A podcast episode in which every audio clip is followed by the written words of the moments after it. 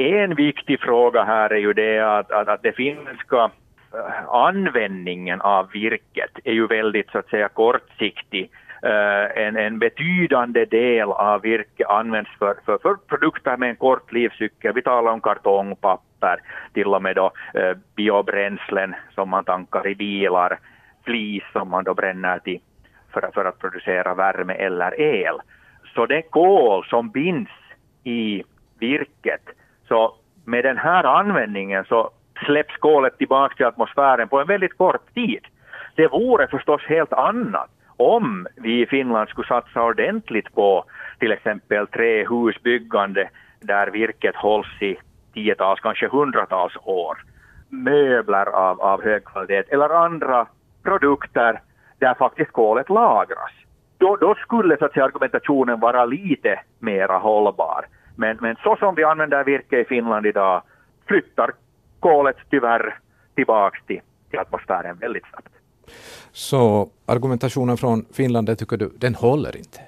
Den är ju, den är ju helt uppenbart alltså, den har en utgångspunkt i ekonomin. Alltså, regeringen har valt att fokusera på, på, på, på den traditionella bioekonomin i Finland. Man vill, vill skapa arbetsplatser.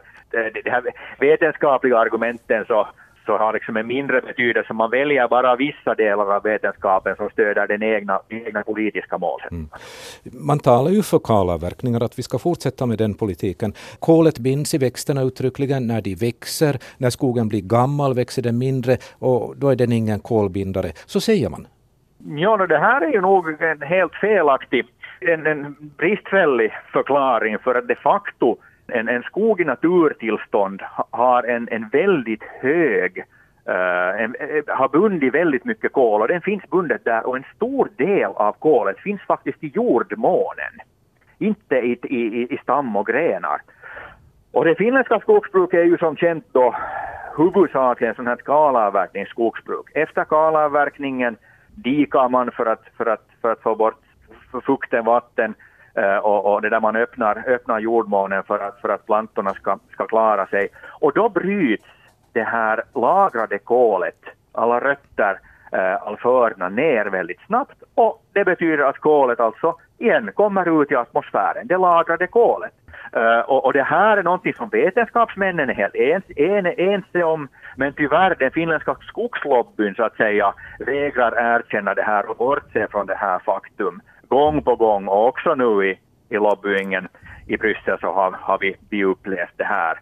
Så att det handlar också om ett annorlunda skogsbruk. Så kunde vi eventuellt till och med öka, eh, öka avvärd virkesuttaget. Eh, du säger att vårt skogsbruk är ekologiskt ohållbart. Hur borde det se ut? Eh, skogsbruk är ekologiskt ohållbart just därför att, att eh, alla de arter som behöver skogliga livsmiljöer är, är väldigt utsatta idag. Vi har alltså hundratals rödlistade arter och, och, och det där skogsbruk är ett av de största hoten mot artmångfalden i Finland. Vi borde ju alltså ha mera områden som är undantagna det här intensiva skogsbruket, mera skyddade områden eller områden som inte avverkas.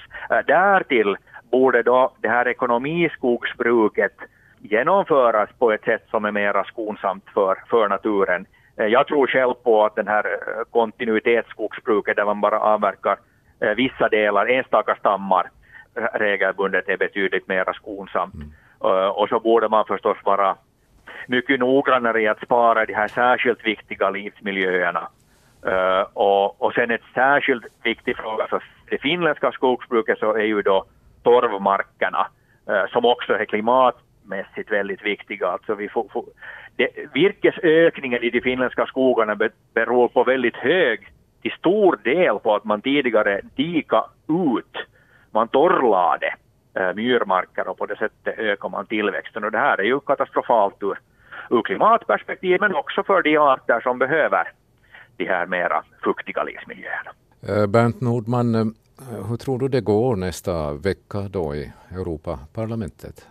Um, jag är nog försiktigt hoppfull positiv. Jag tycker, jag, jag, jag, jag tror nog att det finns uh, förståelse för den här, så att säga, objektiva forskningen här och, och det där frågan är så i centrum för politiken att det där, jag, jag, jag är nog hoppfull att det här så att säga, kortsiktiga ekonomiska intressen hos vissa, vissa regeringar i vissa länder så, så, så, så kanske får, får ge vika den här gången.